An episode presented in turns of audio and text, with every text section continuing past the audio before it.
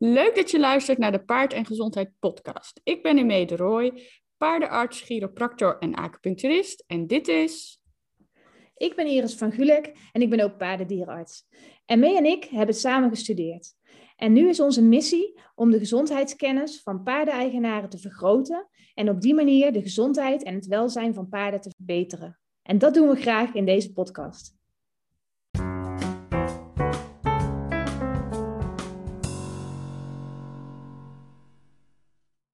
Nou, hier even een solo-opname voor onze podcast van uh. Dus Iris, uh, die zit nu niet bij me in de auto, want ik sta in de file in de auto. En Iris zei, besteed je tijd nuttig. Dus bij deze dacht ik van, hey, ik... nou, eigenlijk was het Iris er idee. spreek een podcast in over, de, ja, over hulpteugels. want degenen die mij een beetje kennen, die weten dat ik daar redelijk los over kan gaan... Uh, en dat is niet uh, bedoeld om uh, ja, eigenlijk iemand daarmee te kwetsen. Of dat ik zeg dat als je hulpteugels gebruikt, dat je dan helemaal een slecht mens bent. Dat is helemaal niet wat ik bedoel. Zo voelen mensen dat soms wel. maar um, ik vind het vanuit mijn dierenartsperspectief vind ik het gewoon belangrijk om te belichten wat alle negatieve kanten eigenlijk aan nou ja, hulpteugels zijn. En om daarmee te beginnen, um, de naam hulpteugel is wat mij betreft eigenlijk al nou ja, apart uh, gekozen. want ja, als ik het vraag aan mensen van, goh, waarom gebruik je dan? Uh, meestal is het dan een slof die dan gebruikt wordt. Waarom gebruik je die? Ja, zeggen ze dan, omdat ik dat hoofd naar beneden wil hebben.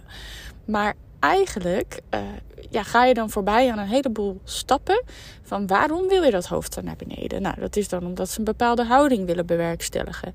En die houding, die krijg je niet op een juiste manier door met een slof te gaan rijden. Uh, al het rijtechnische gedeelte, zeg maar, daar gelaten. Want ja, weet je, ik ben geen instructeur. Uh, ik heb wel altijd heel veel gereden, maar op dit moment, uh, ik geef geen les. Dus weet je, die uitleg, die laat ik aan iemand anders. Maar ik wil nog wel daar heel kort even over zeggen uh, dat het hoofd naar beneden, dat is een gevolg van allerlei stappen die daaraan vooraf gaan. Dat is niet het eerste wat er moet gebeuren. Je paard moet in balans lopen. Je paard moet um, gewicht kunnen nemen op het achterbeen. Uh, moet in een horizontale en een verticale balans lopen. En dan krijg je een goede houding. En die krijg je niet door dat hoofd naar beneden te dwingen. En dan denken mensen van ja, maar ik dwing niet. Ik uh, help alleen een klein beetje, want anders dan schiet hij daar elke keer uit. Um, het heeft gewoon heel veel negatieve gevolgen. Uh, allereerst, uh, denk eens na wat precies de werking is. Hè. Het heeft een hefboomwerking op die kaken en op dat hoofd. dat kan zorgen voor kapotte lagen, dus de plek waar het, waar het bit ligt. botsplinters op die plekken. Um, die komen echt voor, jongens. En die moeten dan operatief verwijderd worden. Um, dat kan uiteraard ook komen door een trauma, maar het komt ook door de manier van rijden. Um, kapotte mondhoeken, daar heb ik ook al heel vaak wat over gezegd. Ook die uh, kans wordt groter met, ja, als je een slofteugel gebruikt en dus meer druk opbouwt. Ehm, denk eens na over de krachten die er op het hoofd en op de atlas, dus dat is de eerste halswervels, dat is het bovenste puntje van de hals komen. Uh, ook daar komt heel veel kracht op te staan. Uh, wat uh, allerlei gevolgen kan hebben van, van gevoeligheid van de atlas, dus van de eerste halswervel, tot aan een slijmbeursontsteking aan toe. Um, daarnaast um, is het voor de ontwikkeling van de bespiering nadelig. Want doordat er een bepaalde spanning wordt opgebouwd, krijg je juist ontwikkeling uh, vaak van de onderhalsspieren en drukken paarden juist meer hun onderhals eruit. Nou, dat is natuurlijk niet wat je wil. Daarnaast uh, heeft het ook gevolgen voor de rug. Ze zullen hun rug meer wegdrukken, zoals we dat dan noemen. Dus in plaats van dat ze die rug uh, ontspannen of in ieder geval in een neutrale positie uh, houden, zullen ze hem wat meer eruit drukken. En ik hoop dat dan duidelijk is wat ik daarmee bedoel. Um, daardoor uh, kunnen ze ook hun bekken minder goed uh, kantelen. En ontstaat er vaak spanning op de overgang van de lendenen, dus dat is zeg maar van de onderrug, naar het bekken toe.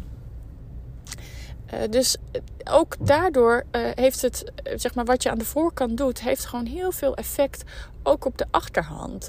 dat kan ook weer pijnlijkheden veroorzaken. De rug zal zich minder goed ontwikkelen. Dan krijg je ook vaak van die paarden die dan eigenlijk een beetje te arm bespierde rug hebben.